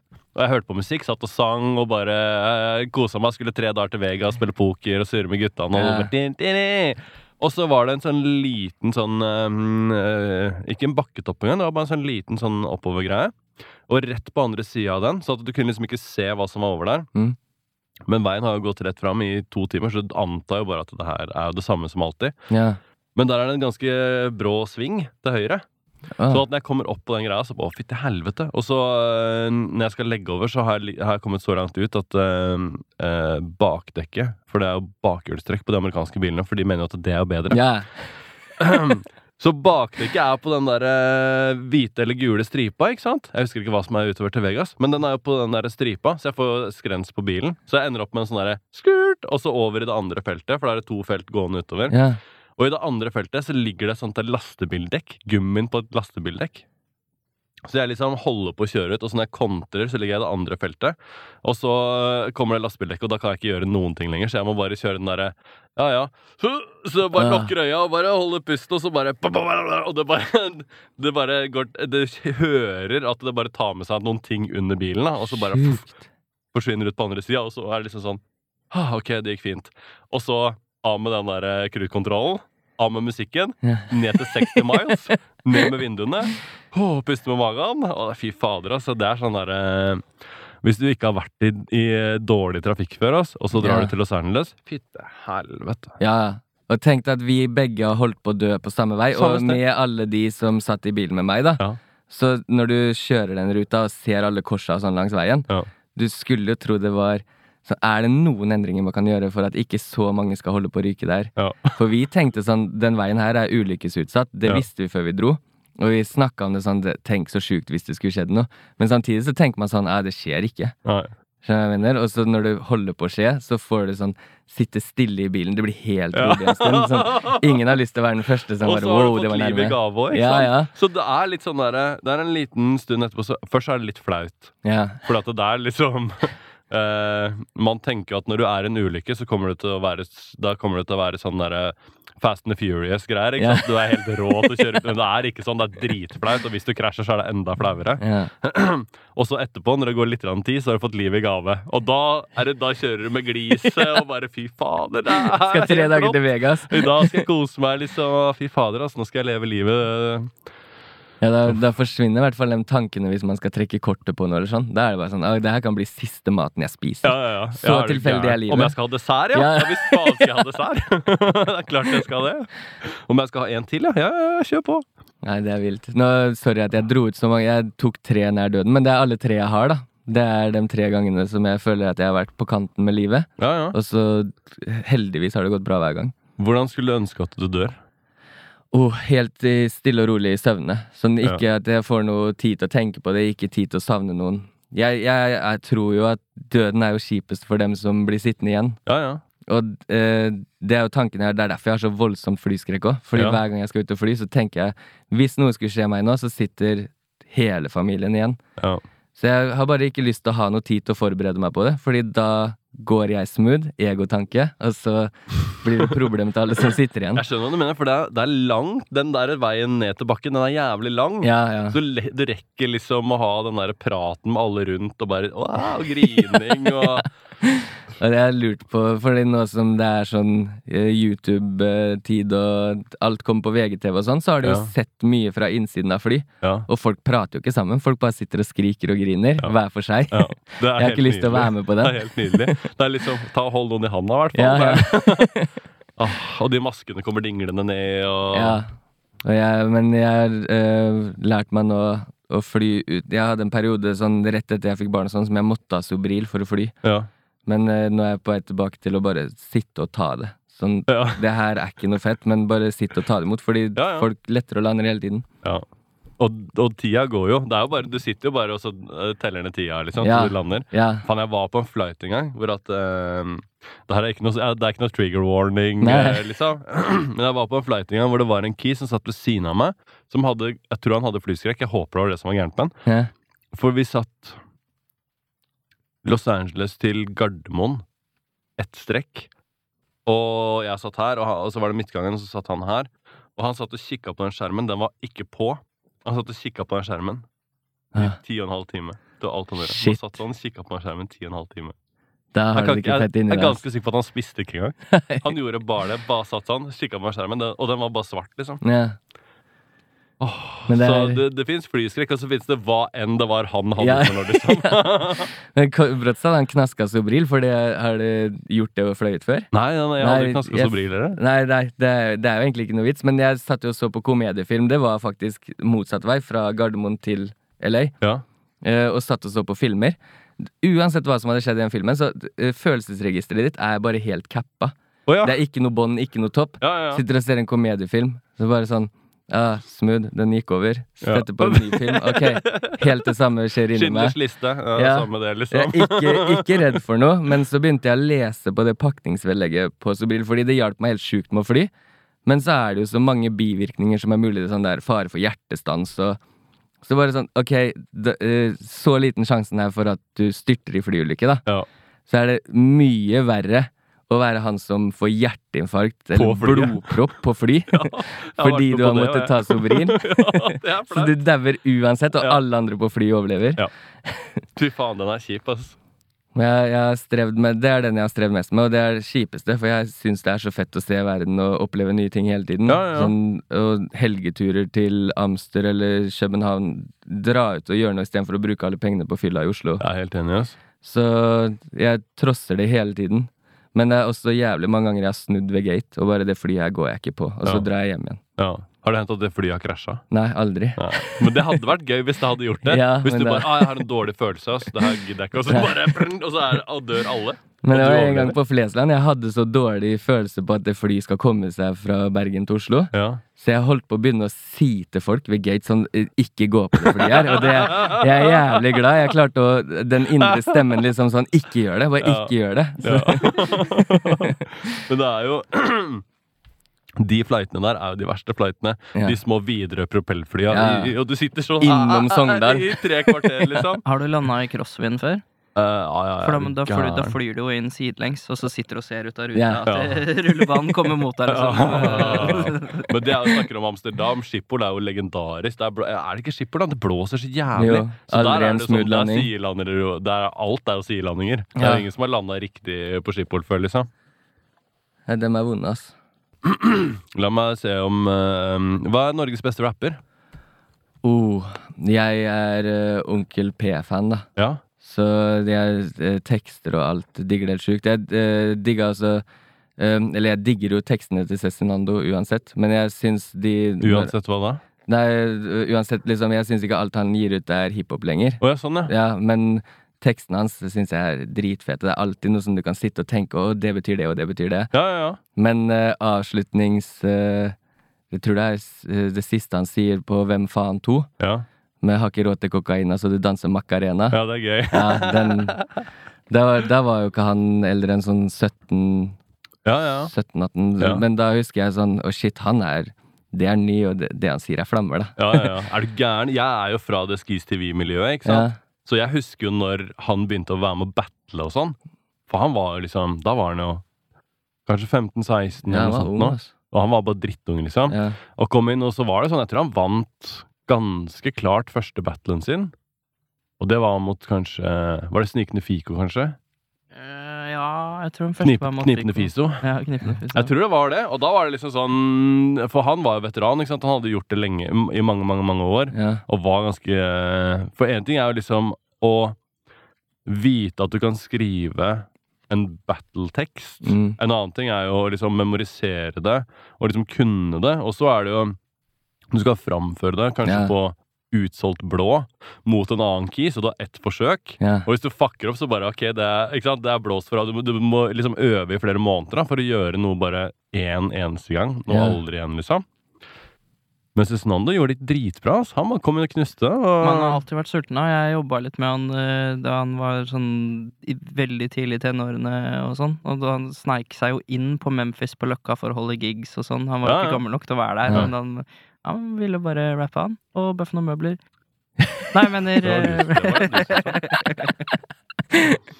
Eh, men, han Nei, men fikk, faen, har ikke bøffa litt før, da? Hæ? men han fikk hate på Jeg husker han fikk hate på Før Hvem faen 2 kom ut. Mm, Eh, hvorfor har Johnny Onkel P tatt med han? Og, mm. Og da eh, husker jeg at jeg tenkte på det sånn Det er shit, det er sjukt å hate på noe sånn Hvis de har tatt med, så er det jo en grunn. Mm. Så, og det er så tydelig at han var Han var jo så Jeg vet ikke øh, Nå var ikke jeg inne i alt som var hiphop på den tida, men jeg føler at han var en av de, liksom, de største stjernene på himmelen. Ja. Sånn up and coming. Jeg tror nok at, eh, at eh, Johnny Onkel P så hva det var han hadde i seg. For det hadde han med på det Unge Pistoler-greiene også. Mm. Så det var ikke som om de bare hadde, at de bare hadde liksom en key som bare sendte et vers over, eh, liksom, da, og de la det på en bit. De hadde jo samarbeid, liksom. Mm. Men eh, jeg tror kanskje at det var litt sånn For at de var jo også i den posisjonen sjøl. Hvor at når Johnny Onkel P kom inn i rappverden, Mm. så var det jo liksom De gamle gutta var ikke sånn dritgira på de greiene der. Og så gjorde de Tungtvann-EP-en. Eh, Påfyll-EP-en. Og som Tungtvann sier sånn De her er dritfete. Da er det sånn OK, da, da yeah. kan, det kan du ikke si noe på. Da er det greit, liksom. Kom igjen. eh, Da har, har man liksom allmenn aksept, da. Yeah. Så jeg tror kanskje de gjorde litt det samme for Cezinando. At når de sa her er han nye guttungen, han er fet, liksom. Så da må folk bare si sånn OK, Ja, da må vi bare høre på dere, liksom. Vi får bare regne med det. Men jeg tror ikke det var så mange som hadde sett for seg den karrieren som han kom til å ha etterpå, da. Med liksom eh, Håper du har plass-greiene og sånn. Det er jo eh, så, Sånne hits som det. Jeg vet ikke tallet, men jeg vil tippe at det, eh, den eh, Håper du har plass-låten kanskje fort kan konkurrere mot liksom Onkel P sine største eh, hits. ja, da Hvis du skal måle én, én låt Ja. mot én låt. Kanskje ikke Styggen på ryggen, men kanskje veldig mye av det andre, liksom. Ja. Så de var flinke da til å liksom bane vei for han kiden. da Ja, for det er der eh, Jeg er veldig glad i sjangeren hiphop og hører på mye forskjellig, men det, på Onkel P så er det jo eh, først og fremst med slekta, Ja. som det har jeg hørt i hjel. Sånn, det går fortsatt eh, på repeat i bilen og Men det er jo trommisen i meg, da. Ja. Som syns det er så jævlig fett at det er et helt liveband. Ja, ja, ja. Og trommisen er jævlig flink. Og er det ikke han der Manboy som er trommis i slekta? Jo. jo, det er det. Så, han er jo, så det er svaret ditt fra i stad. I hvilket band du har lyst til å spille trommer i? Ja. Svaret er uh, slekta. Ja. Yes, da fikk vi runda av det. Ok, La oss ta ett spørsmål til før vi tar det siste spørsmålet. Hva er den morsomste spillejobben du har hatt? Og som skinny For eksempel? Ja. åh, For jeg har sett noen sånne videoer hvor det er ganske bra crowds og sånn. Ja, det er det. Det er ufortjent, vet du. Ja, men det er gøy, Jeg- det, da. Ja, men jeg, det har jeg tenkt på sånn Tenk alle som jobber i mange år, og, øh, og så kommer jeg og skal varme opp for øh, Jeg varma opp for hagle. Det, det er jo sinnssykt øh, Hva heter det? To motpoler i musikkverden der. Sånn Ja, når ja. folk står og venter på at hagle skal komme ut. Ja, Og så Der er jo De er jo skinny-fans ja, ja, ja selvfølgelig. fra tidligere. Ja. Så de, André også er jo fra Skis TV-verden, Ja, så vi kjenner jo André. vi Ja, ikke sant? Og André, jeg bare sendte en melding til André, sånn, for da skulle vi egentlig uh, gjøre en oppvarming for 06 Boys her i Oslo. Den ble avblåst, så var det liksom dagen før Hagle skulle ha konsert i Moss. Sendte jeg en melding 'Hei, kan Skinny varme opp for dere i morgen?' ja, det er gøy. og så bare 'Ja, Seff, jeg må bare ta noen telefoner og sjekke om det går i orden'. Ja, ja. Det gikk i orden, så gå på scenen i Moss. Eh, alle som står der liksom i felleskjøpedresser og, Ja. og venter på at hagle skal komme ut, så kommer Skinny i pelskåpe, ja. bling med Hypeman. Bare straight from LA. Uh, og så ut der og bare stå og ta imot sånn Fuck deg, Skinny! Hater deg. Første to radene var to guttegjenger. De holdt ikke kjeft. Det, det var, skulle bare fram hvor mye de hata. I begynnelsen så funka in-earsa mine bra, så jeg hørte jo ingen til publikum. Jeg hørte jo bare låta jeg skal synge med på. Så begynte høyreøret mitt å fucke, så jeg måtte ta ut proppen da, for å prøve å få mest mulig lyd inn fra salen. Det ble bare overdøva av 'fuck deg', 'det er ræva'. og jeg gjorde det. Og så hadde jeg egentlig tenkt da gå i garderoben etterpå, Ja. skifte, komme ut, få med meg hele hagle. Turte ikke, ass. Nei. Jeg satt backstage gjennom hele haglekonserten. Åpna døra litt innimellom for å høre noen låter, men Ja, ja, eh, jeg turte ikke gå ut i publikum. Ja. Men kunne du ha liksom Kunne du ha tatt på deg noen helt vanlige streite klær og så vært liksom eh, gått helt anonymt ut i den crowden etterpå? Det, det var det jeg hadde lyst til, Ja, ja. men jeg bare tenkte sånn fordi øh, ja uh, hvis jeg skulle blitt gjenkjent på trynet sånn, Ja. Klesstilen min og klesstilen til Skinny, Ja. det er forskjell, liksom. Men det er det er ikke sånn forskjell. helt sinnssykt Hvis jeg hadde kommet ut i det her, så kunne de like gjerne trodd sånn Ok, nå har han bare skifta av seg stageantrekket sitt.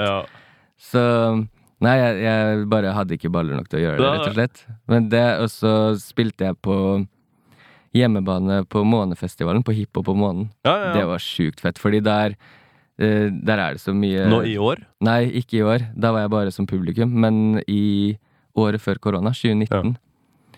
Og det var dritfett, for da var jeg på hjemmebane. Uh, kom liksom hele Det fylte seg opp før Skinny skulle på, da. Ja, ja, ja. Og uansett hvor jeg så, så var det kjentfolk. Den kjenner jeg, den Ja, kjenner det er jeg. fett. Ja, Da var det jævlig gøy.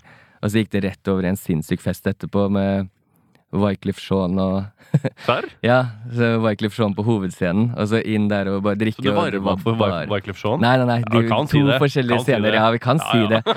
Sånn, det var mange som gikk videre med sinnssykt god stemning fra Skinny rett på Wyclef Jean. Sånn sett så varma jeg opp for den. Ja, det er bra. Men jeg vil ikke si det i forhold til de som faktisk sto inne og, og ga sjela for å varme opp for den. Men det husker jeg ikke hvem var akkurat nå. Nei, men var, men de fleste husker sikkert at du gjorde det.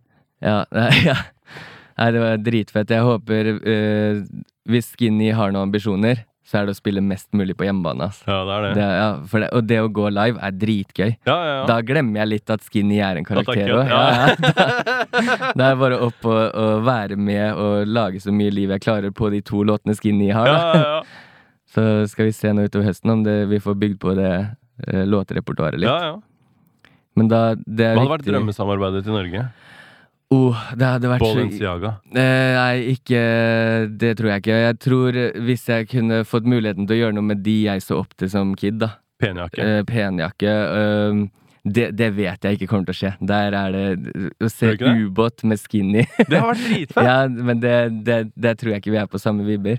Men uh, Jeg tror det er eh, vanskelig å gjøre et penjakke-reunion-prosjekt Ja, Det uten Ja, deg, til og med. det tror jeg De gjorde jo det på Var det John D, eller? Ja. Det var dritfett. Da var jeg der begge dagene. Da var jeg som fotograf, da. Ja, ja.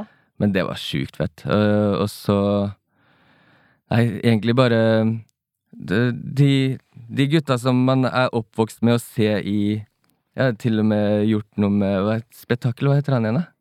Gunnar Greve. Gunnar, ja. Gunnar Greve, ja. Skinny Bocca. ja. Nei, jeg Ville vet du hatt. Gunnar Greve som manager? Uh, jeg tror jeg hadde fått mye spillejobber da, men jeg vet ikke Skinny vil liksom gjøre litt sin egen greie. Jeg tror han også er veldig bestemt på, på ting, så Ja. jeg ville heller egentlig hvis jeg kunne hatt Onkel P som manager. Det hadde vært gøy. I hvert fall nå. I hvert fall liksom 2022 Onkel P. Ja. Med mansion ute på Nesodden og Porsche og Rolex og den Onkel Og P-en ikke skattesmell lenger. Ikke skattesmell lenger, liksom. Det hadde vært det gøyeste. Ja, nei, det er det. Og så er det jo uh, gamle Carpe Diem. Ja. Når, de, når låtene var sånn eh, rent uh, rim, og, ja. rim og rap. Og a cappellaer. Ja, Du kjørte a A og sånn. ja. Sånn, eh, dem ville jeg lagd låt med. Ja, det hadde vært gøy. Vi spilte masse med Carpe Diem. Jeg, jeg også var i en rappgruppe, men det var en ekte rappgruppe. Men det også var, var mye kødd, det der òg. Og da pleide vi å spille gigs sånn at vi spilte veldig mye av de samme eh, plassene som Karpe spilte. Så vi spilte sånn gjerne før eller etter Karpe. Ikke sånn at de varma for oss hvis vi spilte etter de, men at det var sånn der eh, Vi spilte på en festival, så var det sånn ti rappgrupper som spilte før det egentlig begynte å komme folk. ikke sant? Og da var det sånn vi spilte, Karpe spilte og alt det der.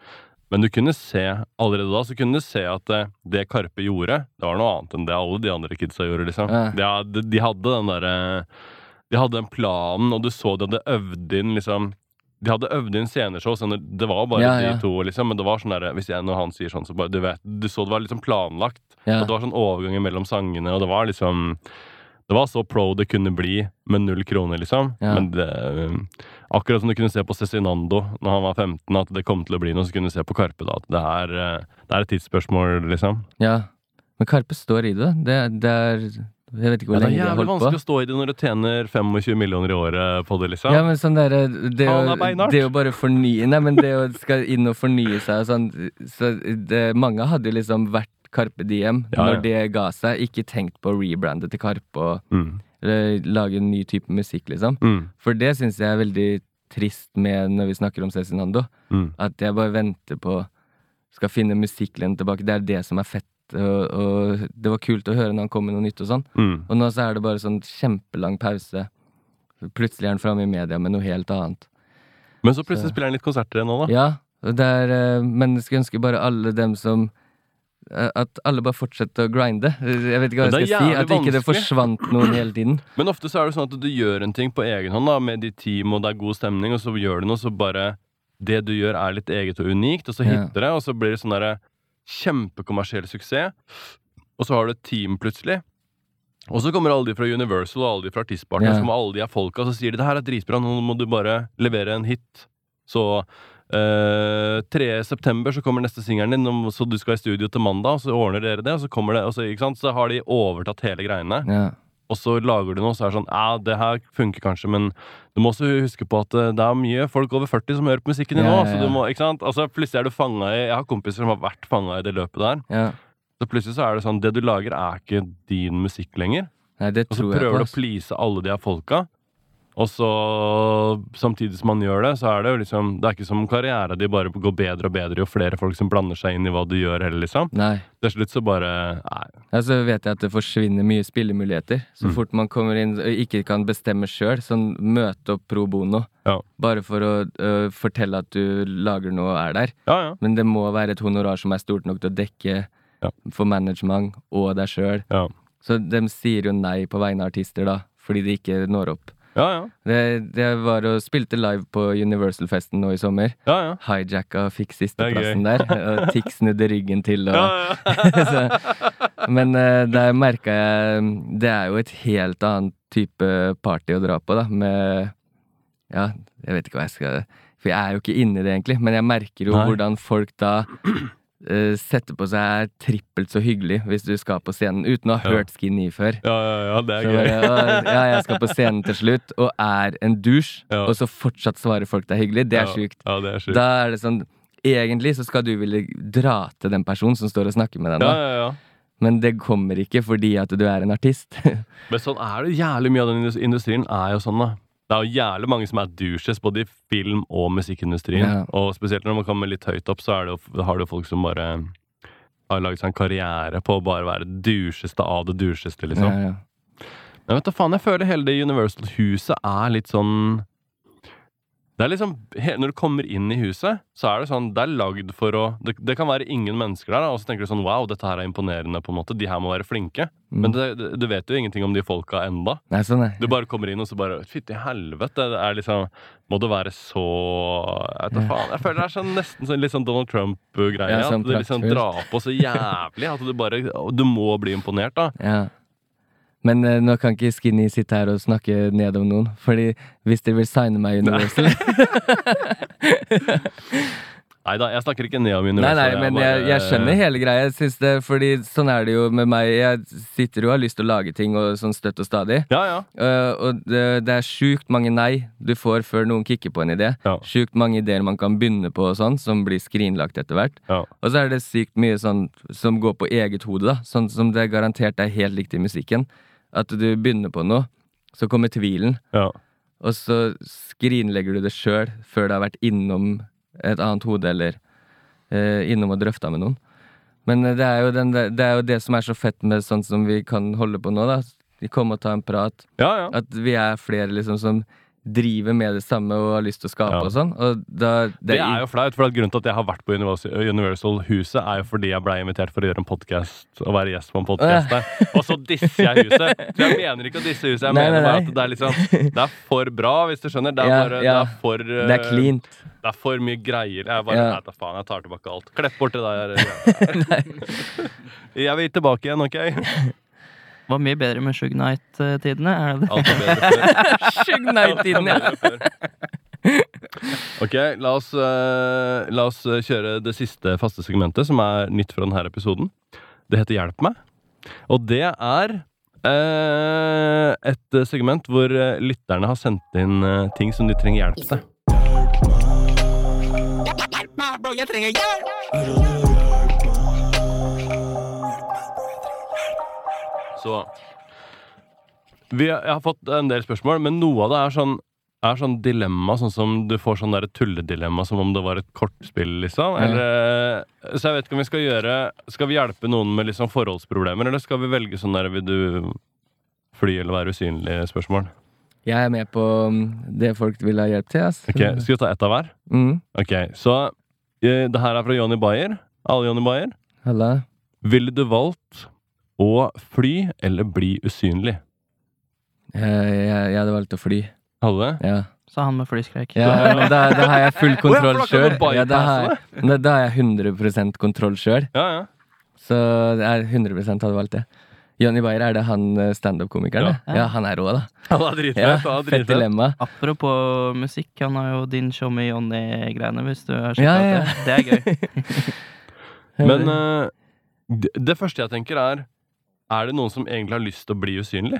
Eller er ikke det, er ikke det en sånn creeper-egenskap? Jo, det var det, var det jeg når, tenkte med en gang Når òg. annet kan man bruke den i jentegarderoben, liksom? Ja, det, Ingen andre steder i livet. Jo, du kan bruke det, men altså, se for deg at du er i en eller annen sånn halvkjip situasjon, da, så har du ikke lyst til å være der. Så bare, pop, er du usynlig, Ja. så kan du bare stikke, liksom. Da kan jeg bare er- fly av gårde! det er er mye ikke hvis du er inne nedi Du, er stuck på The Villa, liksom. Du kan ikke fly Ja, men da sier jeg bare Hva sa, hva sa du? Hæ?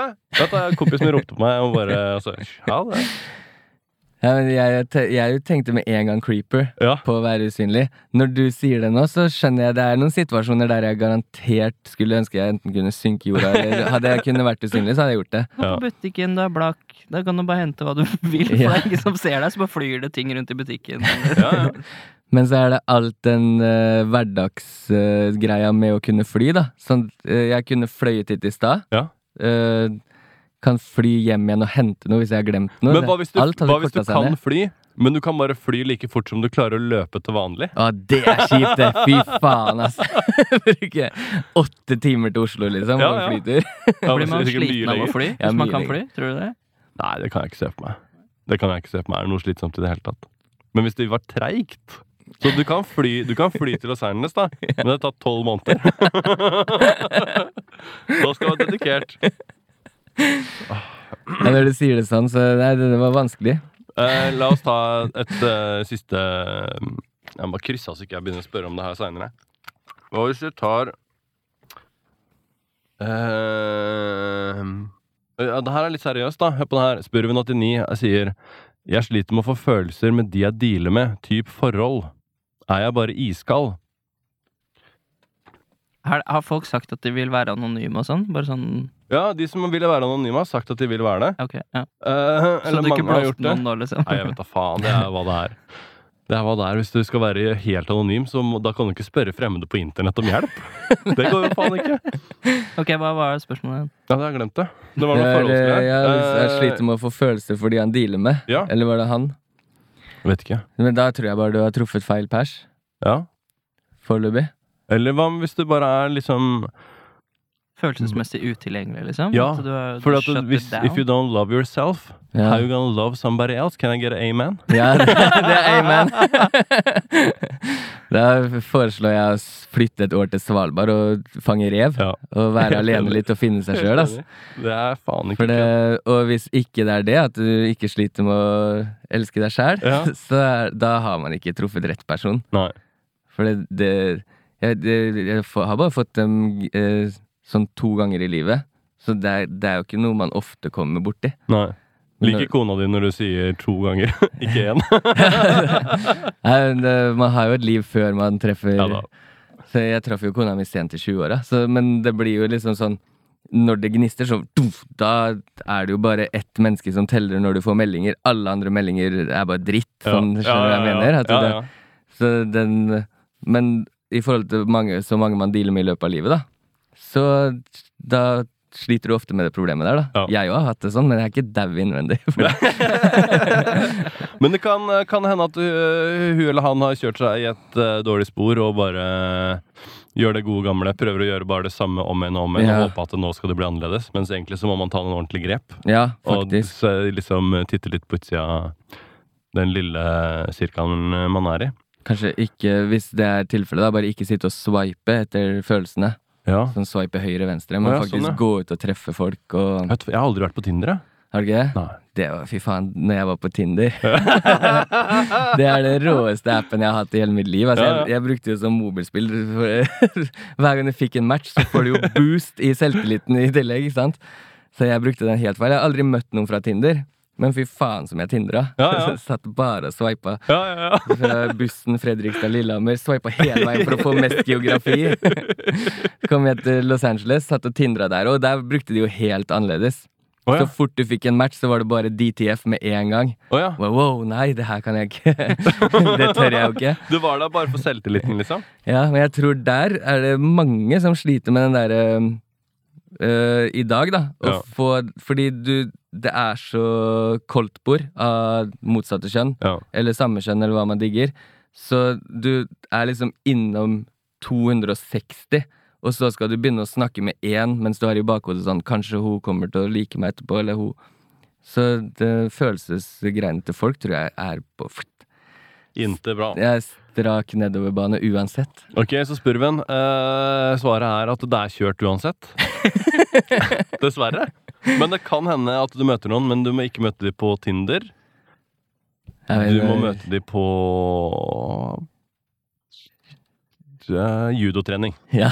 Så eh, ta, ta, gjør noen grep i livet. Stikk ut, gjør noen nye ting. Det her er jo et ekte Nå har jeg et råd på ekte. ja. Bare gjør noe nytt. Vi Dra på sånne ting. Dra på judotrening. Meld deg opp på dansekurs. Meld deg på alt mulig sånn surr som du finner, sånne flyere som henger på lyktestolper som revet av noen lapper på. Dra på den tingen. Så møter du noen nye folk som du aldri har litt tenkt at eh, Faen, jeg visste ikke at jeg likte å lage eh, risotto. Det er jo dritgøy. Så her er det jo så mye hyggelige folk, og så får man noen nye impulser og møter noen nye folk, og så pling, og så eh, får du en kjæreste. Og jeg håper vi blir invitert i bryllupet. Tusen takk for at du ville være med på podkasten vår. Tusen hjertelig takk. Det her var dritfett. Tusen takk for meg. Eh, hvis dere ikke har gjort det ennå, gå og kjøp billetter til vårt neste liveshow. eh, som det er link til i beskrivelsen. Og hvis ikke det er noen link i beskrivelsen, så er det ikke noe liveshow ennå. Ha det. Later.